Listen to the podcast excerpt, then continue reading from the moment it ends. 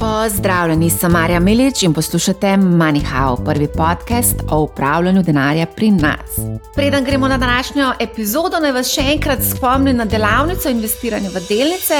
Sestavljena je iz treh modulov, vsak modul obsega več ur vsebine in vsak modul se tudi zaključi z borzno igro MoneyHow DD, ker predstavimo vse od poslovnih rezultatov, bluči pa do analitskih pripravi, analitik in potem seveda tudi od pasivnega in aktivnega vlaganja vlagatelja eh, in njihovega procesa za odločanje za investicijo. Več o vsebini na www.mani-how.com.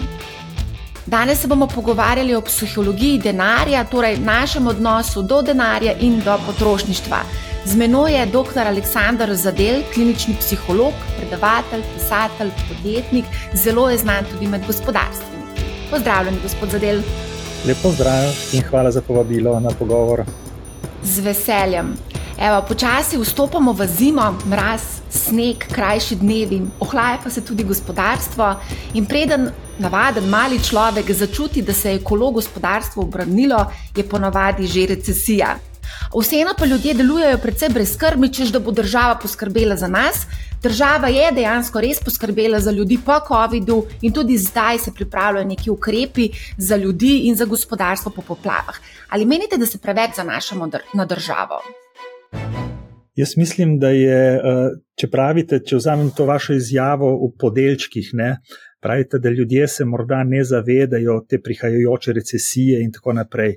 Uh, jaz mislim, da po vseh teh uh, Ma bom uporabil besedo, čeprav vem, da je zdaj vojna in je težka beseda. Po tem bombardiranju, z, pa je mogoče celo namenoma uporabljam, ne, z vsemi slabimi novicami, z prihajajočo apokalipso, vedno znova čakamo neko krizo, ali je to zdravstvena, ali je finančna, ali je gospodarska, politična in tako naprej.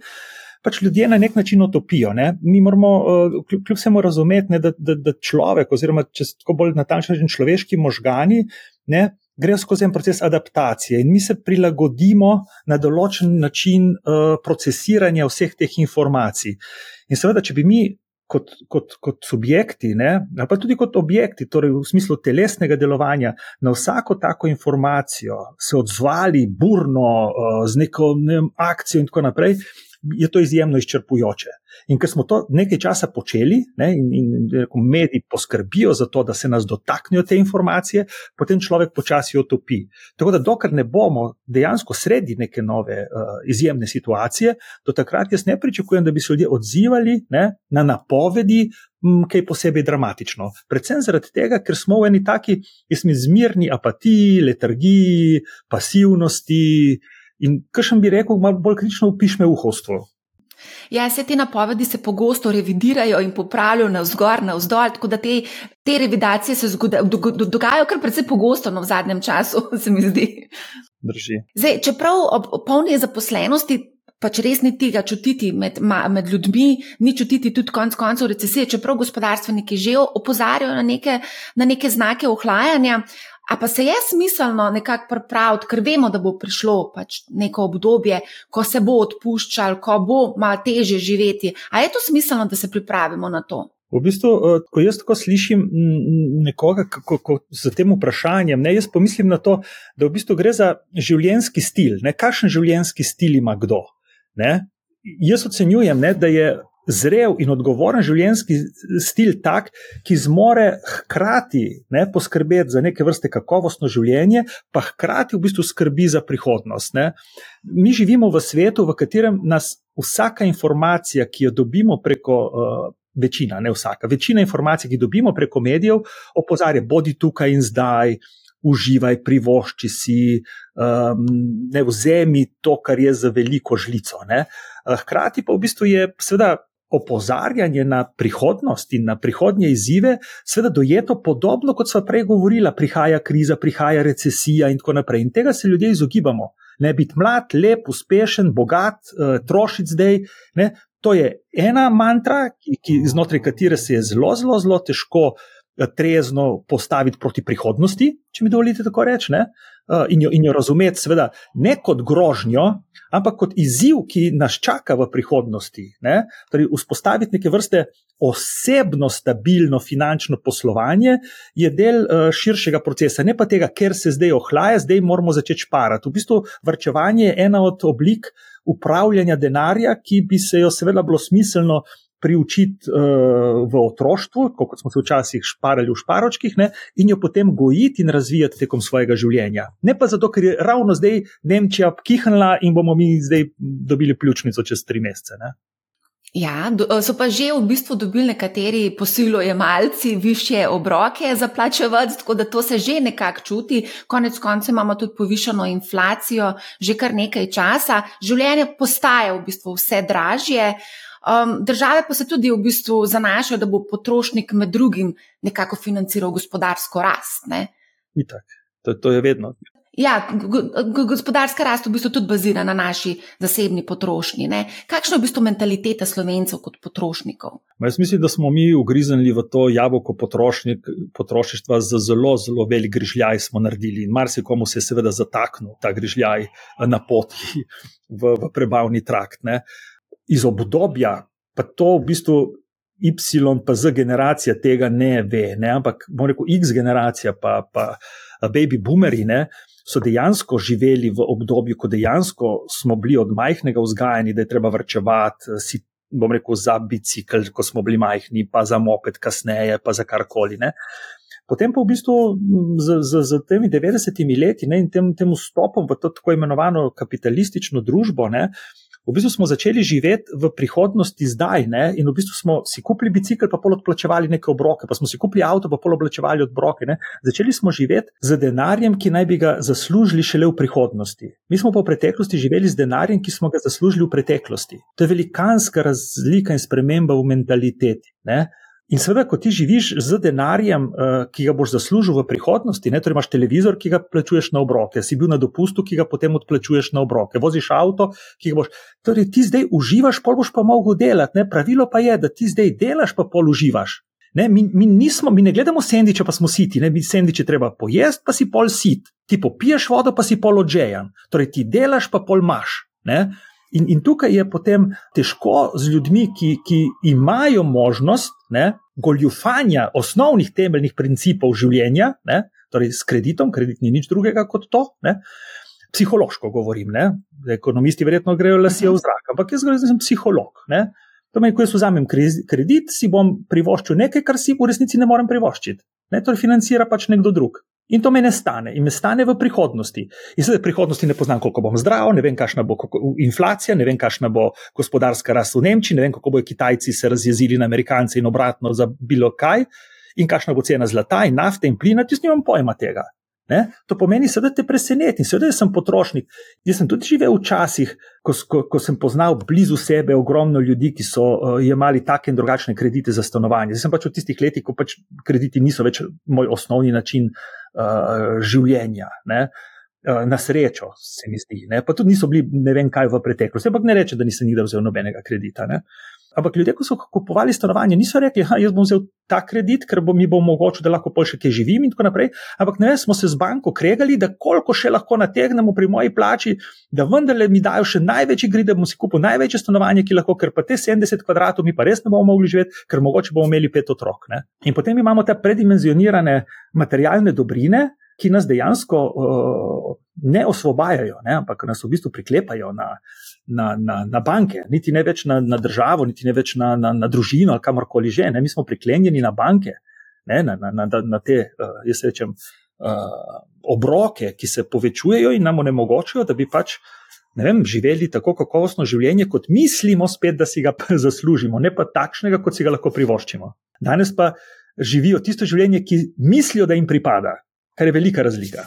Ja, in kako potem vzgajati otroke v tem v, v tem svetu, ker v bistvu vrčevanje ni več v bistvu nekaj, kar se uči, oziroma ker pač ni potrebe po tem, kot ste povedali, da se takoj servira s, z vsemi temi zadevami. Kako, vi imate štiri otroke, a ste jih učili ja. vrčevanja? V bistvu tako je. Jaz, tisto, kar sem z ženo počela, je bilo to, da smo uh, nekako uvedli v to. Um, našo družinsko dinamiko, da ni samo umevno, da je vse tukaj in zdaj in na razpolago. Ne? Meni je, jaz uživam pri tem, ko, ko si otroci zamislijo, da bi nekaj imeli, in je, in je moje naslednje vprašanje, je, kako boš do tega prišel.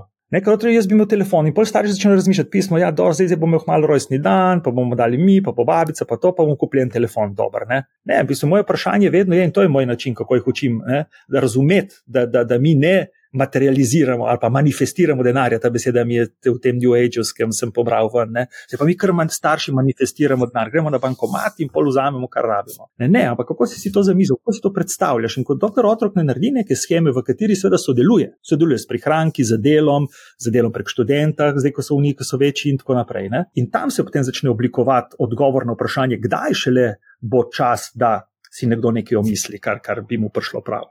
Klasičnega tega vrčevanja z, z kovancem v, v šparoček, tega pač ja ni, ni tega. Ne. Ni več ne. A zdaj, ko ste omenjali partnerko, pa me zanima, recimo, kako pa se vidva recimo pogovarjata o denarju. To je eno pogosto vprašanje, ki ga dobivamo na Manihau. Kako se pogovarjati s partnerjem o denarju?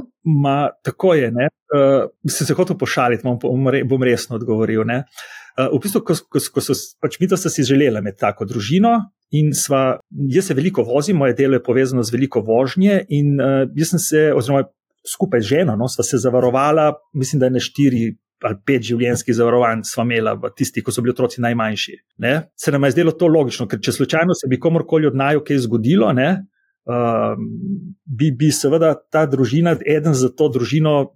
Pač so gledali na to, ne, da so imeli ta, ta zavarovanja v različnih zavarovalnicah, in mislim, da so jih imela oba skupaj šest, mislim, da jaz štiri, ona dve ali neki ali tri, tri tako. Ne vem zdaj točno, no, ampak zato, ker se pol spremenja, se veste, ko se spremenjajo pogoji, potem v bistvu nekje zaključiš, ali pa preneseš, ali pa nadaljuješ v novo zavarovanje in tako naprej. Ne. Tako da so vse čas uh, skrbele, zdaj recimo, ker sta dve ta starejši, sta že skoraj na svojem, mislim, ena je itak na svojem, ena že prehaja na svoje, sta še dva, ne. V bistvu je to, jaz rečem, ta, ta skrb čisto najnaeksistenčna, da bomo mi dva prispevala, dokler ne zrasijo do 20, ne vem, plus minus let, pa so nekako preskrbljeni, pa se začnejo zase za tudi kaj brigati. Eh, sva, sva, sva tukaj, blat. To je bil najmanj pogovor. A sva dobro zavarovana, mala nezgodna, pa življenjska zavarovanja dobro uh, poštimana. Tukaj sva kar nekaj uh, investirala, nekaj malega, to so tudi otrokom povedali, se to je meni najbolj zabavno. Ko so otrokom rekli, da bomo, da bomo kupili nekaj, v enem obdobju so kupili nekaj dragih kovin ali nekaj takega, nekaj se nam je zdelo to tudi, recimo, en tak en delček tega bom rekel, finančne stabilnosti. Jaz sem pa v bistvu, um, ne, jaz oba žena, imamo pa še neki, uh, se spomnite, certifikatskih delnic. Ne? In ene od teh so bile um, v Krki, ne? tisto, kar nam je. Veste, kot so odrezali, ne, si dobil toliko procentov, koliko je bilo ljudi, in pa so razdelili. No, in tisti tudi en tak, uh, pri obeh skupaj se tudi kaj nabere, je še vedno tam lepo, kot ena taka um, ne vem, kako se reče temu naložba ali kakorkoli že. Da, ja, mama, mama, mislim, niso neka upravljalca denarja, huda in tako naprej. Ma par takih, jaz rečem, uh, varovalk smo naredili in to je bil najmanj pogovor o denarju. Ne? Predvsem pa v bistvu, uh, mi dva nismo nikoli vzeli kredite za potovanje, recimo, to je bilo, to je iluzija, da bi, da bi mi vzeli kredit in šli na pot. Ne? Če smo vzeli kredit, smo vzeli kredit za avto, službeni, zato da sem jaz z njim hodil naokrog in služil denar. Če brez tega avta ne bi mogli služiti. To, to je bila meni filozofija, kdaj se vzame kredit. Če vzameš kredit za to, da služiš nov denar, to se mi zdi recimo kul. Cool, Ampak da bi povzel kredit za to, da bi pa živel bolj kakovostno zdaj, kot si jaz lahko privoščim, to, to mi pa pač ni v moji naravi. Recimo. Ja, zdaj ste povedali kar nekaj zelo zanimivih stvari. Tudi neke osnove v bistvu upravljanja osebnih financ, recimo ta varovalka, dobro zavarovanja, ne ste omenili, šest zavarovanj, ključno pri teh šestih zavarovanjih je zavarovalna vsota, koliko je bilo vsega skupaj. Imela sem enkrat en primer, ko sem odkrila enega podjetnika, ki je imel 27 življenjskih zavarovanj, ampak pod, v seštevku je bil pa še vedno podzavarovan. Tako da to, to je zelo pomembno, da se pogleda. Ja, ja, je treba kar pogledati, v bistvu, da je ustrezna zavarovalna vsota. Taka, da bi nekaj let dejansko res omogočalo precej uh, varno, da, da se nekdo postavi na noge ali pa da potem drugi zagrabi in tako naprej. To, to niso bile zavarovanja, da bi nekdo dobil 3000 evrov potem ven. To, to bila, ja, ja, ja, ja, ja se razumem. Da, da si s tem lahko nekaj pomagaš. Ne?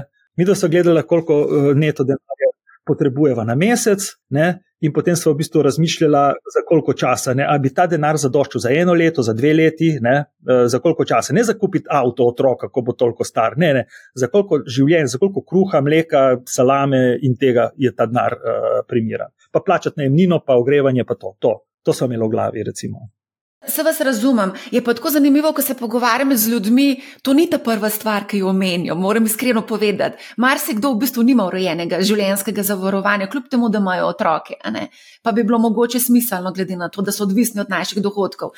Zdaj, ko se vrtiva okrog teh kreditov, ki ste tudi omenjali, mi je zanimiva ena zadeva, ki sem jo pred leti slišala od enega kolega, da, je, da ga je obšla dejansko fizična slabost. On je bruhal, pa podpisu kreditne pogodbe za stanovanje.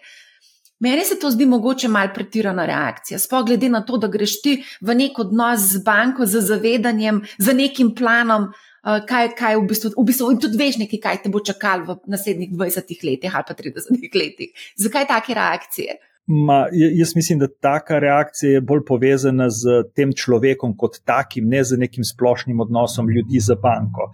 Jaz, ti, mislim, če bi obrnil to na glas, rad obrnem stvari malo na glavo in gledam izven uh, nekega okvirja. Ne bi rekel, super, da je to začutil v pravem trenutku, ne, v katerem v bistvu lahko se pripravi na to, kar ga čaka. Ne, veliko ljudi vrže čez ramo, to podpiše in je srečnih, in čim prej unovči tisto kredit, dobi tisto stanovanje, in pol bomo že kako. To se mi zdi bolj problematično kot to, da ti začutiš odgovornost, ki si jo sprejel s tem, da si uh, vzel en zahteven kredit. Veste, ko, ko se ti soočiš s tem, uh, nam se vse zdi oddaljeno 30-40 let, ne? ampak 30-40 let početi vsak mesec eno in isto stvar in notri imeti klauzulo, ne? da se bo kredit na, kredit na ta obrok povečeval skladno z. Pravili, ki jih bomo mi postavili, na katere ti, ljubček, nimaš nobenih resnejših uh, vplivov, uh, to, to je tako. No, to je meni, wow, jaz rečem, ljudje so res tako zelo kul, cool, da to podpisujejo no, tako, v takih zneskih. A imaš izbiro, če hočeš kupiti stanovanje? Sej, to to, torej, ekonomisti so nas prepričali, ne, jaz rečem preko medijev, ne, pa, pa jaz ne mislim, da gre za nobeno teorijo zarote ali kaj takega. Ampak so nas prepričali, danes eh, tudi, tudi politika nas je prepričala, da zdaj mladi morajo imeti stanovanje. In to je, če ni kul cool imeti stanovanje. Vprašajte mene, kdaj smo mi do ženo kupila stanovanje. Ne? Mi, smo imela, ko smo mi dokupili stanovanje, v katerem zdaj živimo, uh, smo imeli dva otroka že ne, in so bila do takrat podnajemnika. Razumete, jaz, jaz pač, pa se ne smilim sam sebi, ne, jaz, jaz pravim, pač takrat takrat, ko lahko, oziroma pa bomo pri 22 letih imeli stanovanje, pa pol bomo v redu, pa bomo imeli otroke, mogoče ne, zdaj bomo še deset let žurali, ker bomo videli, kaj bo, pa bomo pa videli, če smo privoščili otroke, ja, imamo premajhno stanovanje, pa bi imeli radi večjega, kdo bo poskrbel za to, no država, boste poskrbeli, Ma, lepo vas prosim. No, to, to je tako, rečem kot mladi, kar neki. No.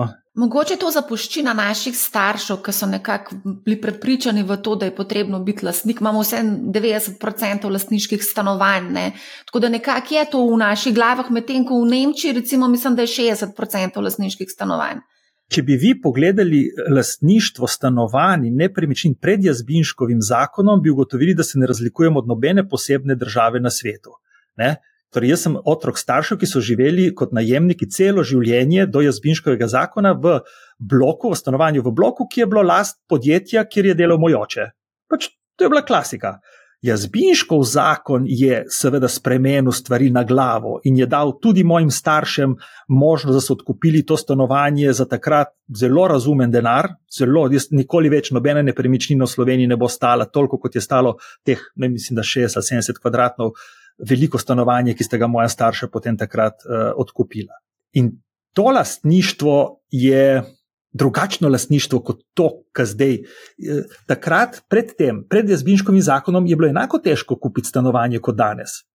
Ker nisi kar povlekel iz žepa, pa malo neki, kar pa je bilo težko. Takrat je se je zgodila ta anomalija in potem je to ta razvada. Ne, jaz rečem, to je razvada. Ne, uh, nekaj, kar mi mislimo, da nam pripada, v življenju nič ne pripada se treba izboriti, zaslužiti, ne vem, oddelati, karkoli že. Ne? In seveda danes je politika seveda to, to mantro prevzela in zgleda to zelo všečno, očitno za ljudske množice, ne? da je treba zagotoviti stanovanja, delati stanovanja in tako naprej. Uh, nima nič proti temu. Jaz sem zelo, ko, ne vem, jaz sem izkopren, ko, ko, ko gradijo stolpiče in rečejo, da bomo imeli nova najemniška stanovanja, pa neprofitna stanovanja. Mi zdi to lepo. Jaz mislim, da rad živim v družbi, kjer v bistvu država omogoča uh, lažji dostop do infrastrukture. Samo ni pa to nekaj, kar mi pripada. Ne, razumete? Torej, super je, da se to dogaja. Ne moramo pa reči, ja, ker država pa ni naredila tega, pa tega, zdaj smo pa mi v kot, pa, pa se smilimo sami sebi, ker smo bogi, ker ne moramo imeti stanovanja, ki država ni za to poskrbela. Ampak ravno to govorijo mladi. Točno to ker jim je fino. Ko zdaj govorimo o lastništvu, da je vas dotakniti mogoče premoženja in tega, da, radi, da se radi primerjamo z drugimi. Zakaj nam je to pomembno, da primerjamo svoje premoženje, avto, stanovanje, ne vem, plače med seboj? Zakaj, zakaj to počnemo? Zaradi tega, ker to je preneslo to blagostanje, ekonomsko blagostanje, tam po drugi svetovni vojni, še posebej v 70-ih letih te, tega gospodarskega razcveta, v bistvu je lakota, eh, pa tisto primarno zdravje, niste bili več ključni vprašanji eh, kakovosti življenja. Ker če ste do, do leta 50-60 vprašali ljudi, kaj pomeni kakovostno življenje, ali kaj bi si najbolj želite za svoje otroke, ne? da bi bili zdravi, pa da ne bi bilo vojne, da bi bil mir. Ne? Take stvari, kot jih misice še danes govorijo. Oni so še vedno v tistih časih, ne mir, pa zdravje, pa, pa otroci srečni. Pa Ampak potem, ko se je začelo pa to blagostanje uh, povečevati, potem pa v bistvu ni bilo več uh, ključno notranja, notranje zadovoljstvo, notranji mir, v smislu smo siti, smo zdravi. Ne? Potem v bistvu je pa ta X generacija to prijela, ne? ker prejšnja generacija je živela zato, da je delala. To je bil živim, da delam. Oni so pa delali zato, da živijo. To je pa značilnost X generacije. Ne? Delam, da živim, torej hočem kakovost življenja. Ne? Danes še marsikomu uh, zbeži reči, zakaj delaš, še delam za denar. Ne, ne, ne, ti delaš za kakovostno življenje. Za denar so delali 70-80 let nazaj, ker je to pomenilo, da so siti, da imajo račune plačene, pa tako naprej. Ne? Torej, X generacija je hotela ustvariti dodano vrednost. Hoteli so imeti vikend, hoteli so imeti večji avto, ni bil dovolj fičko, ni bil dovolj stojenka, ne? je moral biti golf, je moral biti večji avto. In to je bilo, bom rekel, potem. Uh, izraz, da si uspešen v življenju, ker ti se moraš ločiti od drugih. Ne? In ja, žal, 70-80 let nazaj si se ločil, potem imaš site otroke ali jih nimaš, ali imajo pokrpane hlače ali nimajo. Ne? To pomeni, pol, ko, ko, ko imamo vsi pokrpane hlače, to je isto kot v gospodarstvu. Nobena firma se ne hvali, da imajo elektrificirano proizvodnjo, ker imajo vsi. Torej, po čem se razlikujemo? Ker imamo digitalizirano danes. V 90-ih letih, ker imamo uh, informatizirano proizvodnjo. Torej, ljudje se začnemo primirati po tistem, kar je tista dodana vrednost, kar nimajo vsi. Torej, In zdaj, seveda, vsi smo zdravi, vsi smo zavarovani, vsi imamo ne, neko osnovno preživetje. Torej, kaj pa je razlika, da sem jaz uspešen? Ja, da vozim tak, tako velikanski avto, da imam ne vem, kakšen vikend, ne vem kje in tako naprej. Torej, to, je, to je razumljivo z vidika razvoja človeške, bom rekel, psiha in odnose do, do sebe, do drugih, do družbe, ne, ne zgolj samo do materialnih dobrin. Mhm. Zdaj, ki ste omenjali, delam, da živim, milenici ja. pogosto tako razmišljajo. Ja, a hm. je potem plača dovolj velik motivator, a je sploh plača motivator? Kaj motivira današnje zaposlene? V bistvu uh, milenici živijo zase, ne? oni ne živijo ne za denar, ne živijo zase. To, to, je, to je ta značilnost te, te generacije. In v bistvu, zakaj gre? Uh, gre za to, da uh, ko ti živiš v relativnem blagostanju, jaz vedno rečem v relativnem blagostanju in se tudi zavedam tistih ljudi v Sloveniji, zdaj ali pa kjerkoli, ki živijo ob robu revščine, težko se stavijo mesec in tako naprej. Ampak zdaj govorimo o družbi na splošno, ne? torej ne o ljudeh, ki preko bortorstva čakajo 30 evrov konec meseca, da nekdo podari. Imam veliko empatijo do tega sveta, ampak zdaj ne govorimo o njih. Torej, v, v družbi relativnega blagostanja se kaj dogaja? Ne? Se dogaja, da ti v bistvu ne moreš razviti uh, pravega odnosa do denarja. Čisto preprosto ne razumeš, ker denar je, je bil prisoten, je bil, in če ga ni bilo, smo si ga nekje sposodili ali pa na banki ali kjerkoli že. To pomeni, ko se ti pogajaš, ta mladina, ko se pogaja za službo, oni se dejansko pogajajo o kakovosti svojega življenja. Oni hočejo, da jim je fajn v službi, da se imajo dobro. Ne? In zato je to zanimivo, ker se še posebej zajevci, ne? oni se ne znajo pogajati o plači. Oni hočejo, da jim je dobro, oni hočejo imeti chief happiness officerja, ki skrbi, da bo njim fajn v službi. In, in, in še da bomo kaj naredili za uh, tihomorske želve ali pa za orke ali pa ne vem, za, za kakšno žival, ki je ogrožena. Torej, oni globalno razmišljajo skozi svojo trajnostno odgovornost, bi lahko temu rekli, ne? in, skozi tega, in skozi to, da jim je fajn. Če me vprašate, ne, pa, pa ne gre za njihov intelekt, boh ne daj, da bi ga žalil. Njim, njim ni jasno, kako je s tem denarjem. To pač to tam nekje je, ti greš, ga vzameš, pol si privoščiš, pol država ti zrihta poceni stanovanje ali pa ti ne. Pol bomo videli, se bomo kam preselili, ker bo kje boljše. tako na izi, to, to je zelo tako življenje. Oni so res tukaj in zdaj. No, to, to recimo so osvojili, kar, kar se mi učimo pri šamanih, pa ne vem pri komu, uh, da je treba biti tukaj pa zdaj. Pa to. uh, oni to imajo, serijsko. To da, za, to, da se ne znaš pogajati za plačo. To pa zna biti mogoče, ko bo prišla neka težki čas, ki te v bistvu zelenici, niso, pa pa milenici še niso doživeli te prave krize, kot smo recimo mi doživeli. Ne? Tukaj bo pa, po mojem, pa verjetno neki drugi, neki, neki drugega mogel, nekak, nek drug instinkt, neki, neki drugega bo mogel za preživetje tukaj se aktivirati. če gledamo z našimi očmi, če pa gledamo z vidika tega, da jih ni, ne, ni, oni so zmeraj manjše generacije in zmeraj več ljudi rabimo, torej ni ljudi, torej njim se bo sploh ne bo treba pogajati, ker bo že njihova osnovna ponudba za to, da bo sploh službo prišli, bo idealna. Torej, res, mi govorimo, da v kakšnih težkih časih živijo. Če gledamo z očmi človeka, starega 60 let, živimo v oni živijo v težkih časih. Če gledamo z njihovimi očmi, razumete? Jaz sem dovolj star, da se spomnim časov, ko so ljudje po sto prošen pisali, za, da bi delo dobili. Ti ljudje naredijo svoj profilček na LinkedIn in se usedejo tako križem rok in čakajo. Možje prošnje pisali za službo, si ti nor. In pol oni izbirajo med tistimi, ki ponujajo, bom rekel, okolje, ki se njim zdi pa res kul, cool, da bi šli delati pa, pa tudi plača, ok, v redu, ampak vi skrbite za te tihomorske želve, jaz skrbimo, plačamo vem, en procent od prometa, da o, super, bom jaz tja prišel delati. Ne? To se ne pogajajo, to, to je fascinantno. Če bi bila seveda bila 30-40% brezposelnost, pol pa bi bila frka, pol pa, pol pa ja, pol je pa panika. Ne? Ker pol pa nimaš tega urodja za se pogajati, kar je imela X generacija, v, oni so do fundamenta, se pogajali do, do dneva dopusta, do, do ne vem, kaj, kaj še, da telefon, kakšen račun. Bom dobil, ja, ima kakšen račun, koliko bom lahko na mesec porabil. Če se spomnite še časov, ko ni bilo za 15 evrov vse, all inclusive in to. Ne? A imam za 100 evrov telefona, ne, jaz bi rad 150 evrov telefona na mesec. Ne? To je X generacija, ti ne, ti samo ja, telefon, jaz ga imam, če ne imam pa bunega od mame. Ja, da, to je res. Ja, to dejansko, ko, ko rekrutiraš oziroma zaposluješ ljudi, recimo, ne, se ful čuti ta generacijska razlika. Ne, ko se pogovarjaš z malj starejšimi, ne, je čist nekaj drugega, kot se, pogo ko, ko se pogovarjaš z mlajšimi. Ja, ja. Um, um, dajte mi zdaj to povedati. Um, Časem sem poslušala en, eno epizodo enega podcasta. In so govorili o tem, da se ljudi bojijo denarja, da imajo nek strah o spoštovanju do denarja. Kakšno je vaše mnenje o tem? Ma ne, jaz mislim, da te, te mlade generacije, to jim je tako za sproti, za zdrave. Vem, mi smo se včasih, se, ko prideš ti v, v, v, v, v eno okolje, ki ga ne poznaš, ki ga ne razumeš, mogoče imaš nek strah, lahko rečemo temu strah. Ampak strah je čustvo, ki nas varuje pred tem. Uh, Da bi mi vstopili v neko nevarnost, ne, nam govori o nevarnosti. Ne. In mladi denarja ne dojemajo kot nekaj nevarnega. Tudi odnos z banko, ta dolžniški, ne dojemajo kot nekaj nevarnega bomo že, bomo že naredili, da se bomo zmenili, ok, bo dobro. Ne, jaz, jaz, jaz ne, ne bi rekel, no, to, da, da, njih, da, da, da bi pri njih jaz v psihološkem smislu opazil, kakšen tak res strah pred denarjem. Pa, ne, to, to, ne vem, odkje bi to bilo. No. Ja, ampak vsem starejšim mogoče imajo neko strah spoštovanja do denarja. Se, vem, ja. Denar v bistvu je kot lopata, no, to je neko orodje za doseganje ciljev. Ne. To je tako, kot bi se bal konc koncev lopate. Ne. Se pravi, če sem mislil, da me sprašujete o teh, teh mladincih, teh zelenicih ali pa z generacijami in tako naprej. Ne. Ko govorimo o X generaciji ne, in starejših, v bistvu pa dejansko imamo ta uh, zelo, zelo kulturno, jaz rečem, uh, prirojen odnos strahu spoštovanja do denarja, ker dejansko je povezava med tem, kaj držiš ti v rokah, ne, uh, kaj si lahko za to privoščih, je ena ena.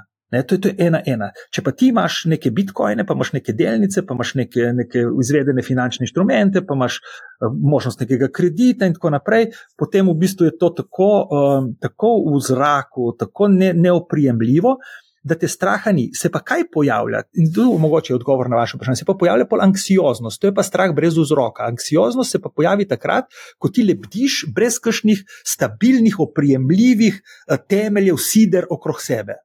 Ne? In pa, ko se začneš pogovarjati o denarju, pa oni nekako ugotovijo, da vendarle nekje denar, pa, pa vendarle je, je v, v neki podlagi ni kakovosti njihovega življenja ne? in da je zelo, zelo povezan z njihovo učinkovitostjo pri delu, takrat pa lahko uh, ljudi začne grabiti najprej ta anksioznost, pa ko razumejo, zakaj gre pa tudi strah. Ja. Bi bilo možno. Mm, prej so se pogovarjali o tem, kako se primerjajo ljudje po premoženju, plačah in podobno. Sami ste omenili, kako je v bistvu strukturirano na nek način vaše premoženje. Kaj pa je v bistvu sploh, recimo, definicija bogatstva? Recimo, to se tudi zelo razlikuje, ko se pogovarjaš s starejšimi, mlajšimi. Kaj je bogatstvo? Ja, zdaj, če bi, če bi bila midva v živo in bi bila publika, bi jaz stopil za pregrado po tem odgovoru, ki bom rekel, da ne bi letele, veste, rečevne gnile solate, pa gnilo sadje v mene in tako naprej. Ne. V bistvu uh, gre za kombinacijo, ne? gre za kom, kombinacijo uh, materialnega blagostanja. Mi vendarle živimo v materialnem svetu ne? in potrebujemo materialno hrano, uh, pijačo ali karkoli že. Uh, in seveda upetost v odnose. Torej, notranji mir in zadovoljstvo nam da eh, pravilno ravnotežje med eh, učinkovitim upravljanjem odnosa, odnosov, odnosov in pa materialnega sveta. Tako. Kaj pa je za vas bogatstvo? Jaz sem že po teh letih, ko dejansko res dojemam uh, bogatstvo uh, kot notranji mir in skladnost v medosebnih odnosih z ljudmi, ki mi veliko pomenijo. Zdaj, ko govorite o notranjem miru, greva skočiti malce na borzo, ker pa prevladujejo čustva pohlep in strah. Kako ja. premagati eno in drugo za čim bolj racionalne, naložbene in neemocionalne odločitve pri, pri v bistvu odločitvah za nalo, naložbe? J jaz, jaz dojemam um, tudi borzo, tudi tiste krkine delnice ali karkoli že, ne kot nekaj, kar bi moral vsako jutro preveriti v časopisu. Ne. Jaz ne rečem, da imam vem, v teh delnicah sem, eno enoto denarja, eno količino, ne vem, tisoč, deset tisoč, dvajset tisoč, koliko je evrov, ne. ampak tam imam toliko število delnic in jaz se ne ukvarjam, ali bom za to zdaj dobil 17.462 evrov ali pa 18.122. To je tisto, kar požre ljudi od odznotraj, ne. ko vsak dan spremljajo na evro natančno kakšno je njihovo finančno stanje. In to je pot v pogubo. Sem delal kot psiholog z veliko podjetniki, ki so uh, rekel, svojim delom zelo zabogateli in potem seveda uh, poskušali investirati v, v, v delnice in tako naprej, da bi pač. Ko bi rekel, ne nosimo vseh jajc iz tih košar, in tako naprej. Ne. In nekateri so pa zboleli. Ma niso zboleli zaradi tega, ker so veliko delali, ampak so veliko gledali v časopise, kaj noter piše o njihovih uh, stanju, njihovih sredstev. Uh, mislim, da, da, da v naši, posebej v naši slovenski kulturi, niti približno še ni preteklo dovolj vode, da bi mi sploh razumeli koncept delovanja uh, finančnih teh uh, trgov, kaj šele, da bi ga znali upravljati ne, svoje premoženje na ta način. In, in ena od stvari, ki poznam te vaše projekte, je to zgodnje opismenjevanje rekel, mladih, pa tudi otrok, ne, o finančnem znanju. Se mi zdi ključno za to, da bojo te generacije, ki prihajajo, vendarle seveda lahko uh, razumele najprej, kaj se dogaja na finančnih trgih, ne, in da ni tragedija, če je danes delnica padla. Ker mediji bojo napisali, ne, da se je zgodil v New Yorku zlom, ker so delnice padle za 4%. Ne, Ali pa da je, da je groza, ker je zdaj uh, gospodarska rast enaka kot je bila 2016. Je pa kaj je bilo 2016 na robe, ljudje? Ste bili brez hlač, brez gat, ste niste mogli kupiti sendvič ali kaj. Ne? Ampak ekonomisti bojo napisali, da, da glede na to, da je padla gospodarska rast in šli v recesijo in da zdaj so isti pogoj, kot so bili leta 2012 ali pa ne vem, 2000, pa kaj je bilo takrat, ljudje, kaj, kdo je bil bolan takrat, pa ni mogel do zdravnika. Zaradi gospodarske rasti. To je ta, ta latovščina, ki so si jo izmislili ekonomisti, da izgledajo bolj pomembni, kot so v resnici. In oni so si dejansko naredili svet, ukrojen po svoji miri, da lahko v bistvu počnejo stvari, ki jih znajo sicer dobro početi, ampak so Ma ne vem, tri četrt same sebi namen, če me vprašate. No, in komu koristi finančno nepismen državljan? Kako? Komu koristi finančno nepismen državljan? To smo vprašali tudi Jana Zašuštršiča, da na to isto temo vprašala. Zdaj, ko ste rekli, da so se ekonomisti spomnili te latoščine, da v bistvu na nek, na nek način manipulirajo tudi z ljudmi. Ne? Definitivno, definitivno.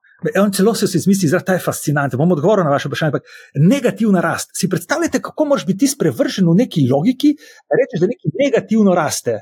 To, to, je, to je patologija, jaz rečem, brez primere. Ne? Ampak ne, to, to je zdaj normalno. Uh, uh, pa imamo bazične točke, pa odstotne točke, pa to, to tako fajn zgleda. Ampak to je, to je tako, oprostite, ampak to je res rečem iz srca uh, butasto. Ne? Si izmisliš neke, neke, neke, neke izrazoslovje, ki zgleda, seveda, sprihtno, tako, res v redu, ampak od zadaj za tem ni, ni kašne, jaz rečem, bom rekel, posebne uh, vsebine. Torej, komu koristi? Uh, skozi zgodovino, tisto, kar nas uči zgodovina, je, da denar teče vedno v eno smer, ne dolgoročno, teče v, v centre moči in kapitala.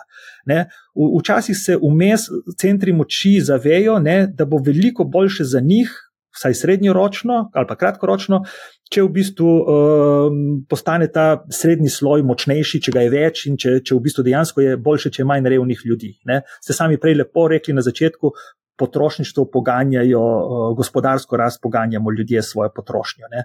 To pomeni super, ne, nekje zopet ekonomisti izračunajo, da je super pomagati ljudem ali z davčnimi, ali s takimi ali pa drugačnimi, bom rekel, pomočjo. Ne.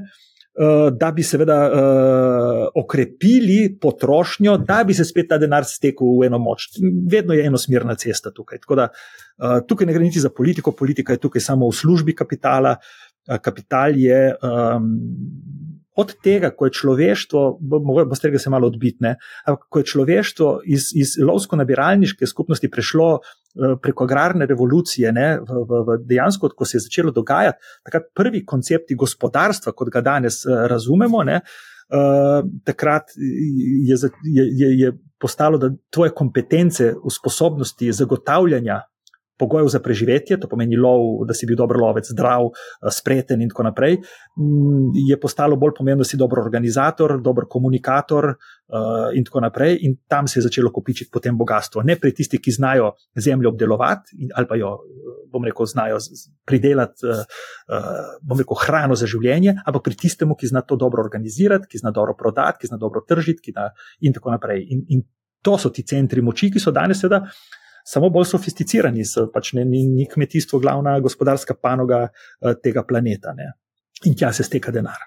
Zdaj, mogoče, če, če gremo mogoče na dolgoročno planiranje. Zdaj, uh, za recimo pokojnino se danes svetuje normalno, da se pač vrčuje, investira na kapitalske trge, konc koncev. Kako v bistvu se pripraviti na doseganje nekih dolgoročnih ciljev ali pa na planiranje dolgoročnih ciljev, glede na to, da je pokojnina tako oddaljen dolgoročni cilj. 20, 30, 40 let je oddaljen. Kljub temu, da jaz nikdar ne, ne izpostavljam države kot nekega krivca ali podgovornega za karkoli, ne, se mi zdi, da tukaj je pa ena stvar, ki uh, je pa v interesu države. Sem delal dovolj časa v zdravstvu, da sem ugotovil, da v bistvu ne moreš ljudem prepustiti skrbi za lastno zdravje ne, v celoti, zaradi tega, ker potem se ti lahko nakopičijo problemi zdravstveni do te mere, da država pol propade, kar smo videli, mislim, da je ogroženo delovanje zdravstva kot take, kar smo videli pri COVID-u. Uh, to pomeni, se mi zdi, da, da na način, kako danes skrbimo za svoje srebrna ali pa pozna leta ne, in hkrati kakšni so pogoji države, ki uh, skrbi za to, da bomo mi dejansko, da ne bomo imeli velikega javno-zdravstvenega, socialnega problema, bi država seveda uh, bilo umno, da bi vzpostavila pogoje, v katerih bi ljudje se raje in v večjem obsegu odločili za vrčevanje v poznem uh, obdobju življenja. Uh, ker pa smo otroci staršev, ki so dejansko garali in delali za to, da bi v penziji živeli, in še danes je glavna mantra, koliko imaš še do penzije, ne, ko so zaposleni, ne kaj boš danes naredil, koliko boš zaslužil, koliko imaš ti še do penzije, je fora. Ne. Ker pa se nam zdi, da pol bo pa ta država za nas nekaj poskrbela, pa bo in tako naprej.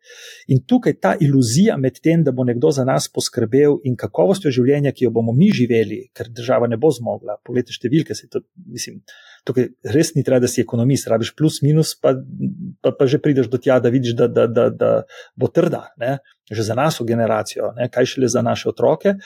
Uh, tu se mi zdi, da, je, da bi, bi umna politika ne navijala zgolj za uh, davčno reformo, pa, pa zdravstveno reformo, pa še kakšno drugo tako ofensijo reformo, ne?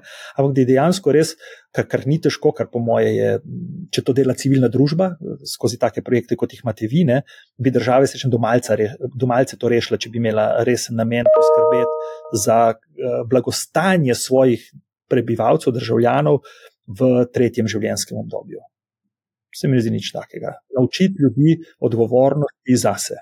Ja, se strinjam z vami, absolutno. Ampak slovenci smo malo schizofreni, ko govorijo o naložbah.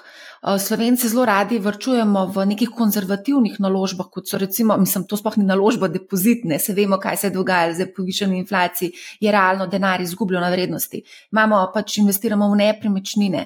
Pa tudi zelo na drugi strani zelo radi skočimo v neke tvegane zgodbe, kot so kripto, ker imamo to željo po hitrem, nekem hitrem zaslužku. Kako, kako se to razlagate? Temu se reče ta, uh, mislim, da sem nekje prebral, pa mi je bil všeč izraz, ta kazino kapitalizem. Ne? Ko v bistvu uh, vključimo v formulo uh, svojega blagostanja neko tako tveganje, ki pa je v bistvu, če si hiter, če si pravočasen in če, ker poznamo nekoga, ki mu je uspelo, dajmo še mi. Uh, to je popolno nerazumevanje delovanja, uh, ma niti ne, jaz rečem, finančnega sveta, ampak v bistvu logike človeškega delovanja. Ne? Tu smo zelo naivni, tu smo izrazito naivni, ampak tako kot vsi, tako kot lete, boste rekli, da čudno preskakujem. Ne? Ampak recimo, uh, mi smo bili zdaj priča uh, propadu tega. Um, imperija Studia Moderna, recimo, če lahko rečemo imperij, glede na to, da je, da je bil lastnik uh, dolgo časa najbogatejši ali pa drugi, tretji najbogatejši slovenec. Ne, uh, ne polemiziram z blagovnimi sta, uh, znamkami Dormeo in tako naprej, ampak en velik del poslovanja tega podjetja je bilo tako, jaz rečem, prodajanje megle, ne, uh, razni ti. Neki geli za shujšanje, pa gate za zgubiš dve številke, pa ne vem, kaj še vse. Ne? In v bistvu to je, to je predstavljalo en velik finančni temelj enega takega imperija. Ne? To, da so ljudje kupovali bedarije, ne? neumnosti. In to ljudje kupujejo, kljub temu, da so že kupili, so že videli, da to ni nič, ni niti približno tisto, kar, kar, kar kaže po televiziji ali pa kar zgleda, pa so še vedno to kupovali in je predstavljalo to veliko, veliko bom rekel, eh, finančni uh, doprinos delovanju in uspešnosti tega famoznega slovenskega podjetja. Ne? In zato pravim, da, da ljudje radi nasedajo nečemu, reči, da to se pa, pa mi doprivoščili, če pa to ljudje res kupijo, to pa mora neki pomagati. In to se.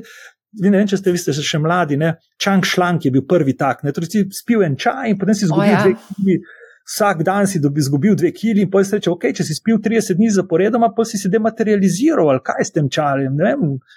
Ne? In, to, in, in, in ti ljudje so so nam pokazali uh, uh, meje neumnosti uh, naroda, ki pa so brezmejne, ne? niti jih ni teh meja.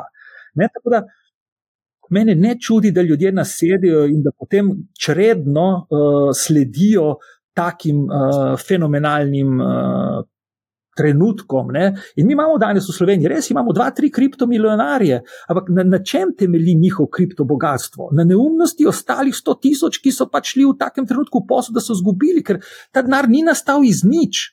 Ne, to je fascinantno. Denar kriptomilijonarjev, teh gospodov, ki, ki so res žeki danes in, in kupujejo hotele, in, in tudi potem jih vprašamo za nasvet, kako z denarjem. Ma ne njih vprašati za nasvet, ljudje. Ne, Jožeta iz Litostroja treba vprašati, kako z denarjem, ne pa ne vem. Ne, ker njihovo bogatstvo je bilo pač. So prispevali ostali slovenci, ali pa globalno, verjetno, državljani sveta, zato da so oni zdaj, rekel, izstopili v pravem trenutku z takim bogatstvom. Isto je isto kot v vseh eh, piramidnih uh, schemah.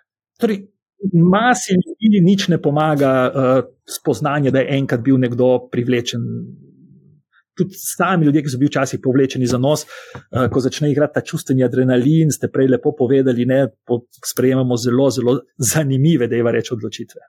Ja, se to, kar ste zdaj govorili, tudi recimo ta, se spomnite mogoče Boogiefish, una riba, ki jo prodajo Santi Češko. To je to, to je, je, da so stovornjaki v Sloveniji in ljudje so bili ja. sami. Ko si pozvonil na zvonec, je ta riba nekaj zaplesala in pol ali pa so bile kukavice za ne vem, ja. tiči, ki pojo ne vem, kašne neke pesmi. O, to, evo, to je to, no, to, to je to. Ne, mislim, no, de. To, to je to. In to so ljudje kupovali, ker jim je bilo zabavno. Ja. Zato mogoče tudi ne kupaš, zato da pač ne se mogoče malo zabavaš. Moje neumnosti naroda so brezmejne, zelo taka lepa misel, moram priznati. Drugače, kar se tiče teh prodajalcev megle, tega je res ogromno, sploh v tem sodobnem času. Pa bo v tem pol tudi zaključila. Mogoče imate kakšen nasvet, kako se upreti vsem tem norostim tega sveta sodobnega. Uh, ti prodajalci megle so isti, kot so bili prodajalci, jaz rečem, uh, marihuane v mojem otroštvu, ne, ki so sladko govorili in obljubljali, seveda, svet, ki ga jaz ne bom spoznal, če ne bom eno osmodil ali pa vzel tega ali pa onega. Torej, v vsakem obdobju bomo mi imeli um, plenilce, bom namenil uporabo malo težjo besedo, ki bojo čakali na notranje nezadovoljne ljudi. Torej, resnično notranje bogatstvo je notranja moč vsakega posameznika da se upre bližnjicam do teh ne vem, kakšnih famoznih ciljev, uh, nekega užitka, ne, ampak da razume, da tudi vrčevanje, dolgoročno vrčevanje ali v skladih ali v različnih te kombinacijah, ni igra na srečo. Ne, igra na srečo ni, če ti kupiš krkine delnice, pa lek, pa ne vem kaj, in potem v bistvu uh, imaš tam en del svojega premoženja varno spravljenega. In tudi to ni namenjeno temu, da boš čez deset let si kupil barko na račun nekoga, ki si ga nasral, ker si, jo, ti si v pravem času kupil delnice, on pa v napačnem. Ne, gre za to, da imaš svoje premoženje, ki si ga zaslužil, razpršeno na različne konce, da če se nikjer nekaj podre, imaš kje kaj vzeti za živeti. Ne pa, torej, ljudje še vedno, po mojem mnenju, ko jaz z njimi govorim, kot pa v psihološkem smislu razlagam, ne, razumejo, da jaz bom šel v delnice in bom dal 100, in čez dve leti bom imel 220. To pomeni, ne, nekje bom nekaj dobil, kar itak ni moje, pa mi ne pripada. Ne, ne, ne, ti greš ti noter, tam spraviš svoj denar, ki bo ohranil vrednost, če ga bo pridobil, ok.